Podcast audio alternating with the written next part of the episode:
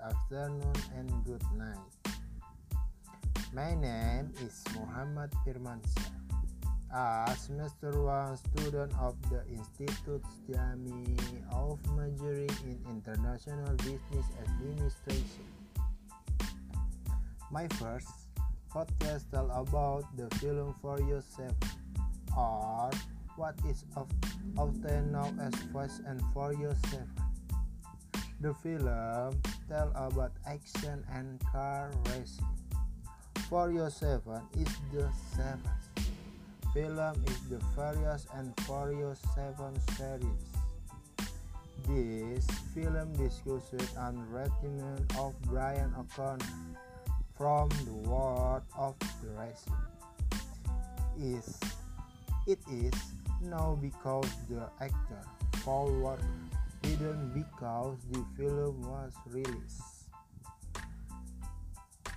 At the beginning of film story, Owen Shaw private mission to Dominic Toretto and his crew. As we know, Owen Shaw is the older brother of Doug Shaw. And in the previous film and Doug Shaw he's been beaten by Toretto. This film also tells about Letty who has long discovered due to an accident made it and forget her memory.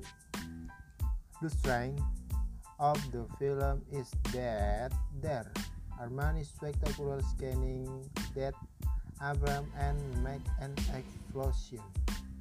Will the drag back the film is Paul Walker Fish editing using and computer still looks smooth and feel like it is not his real face.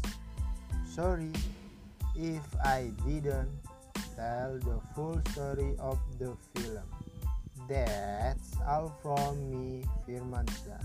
Have a good long vacation. Goodbye. Thank you.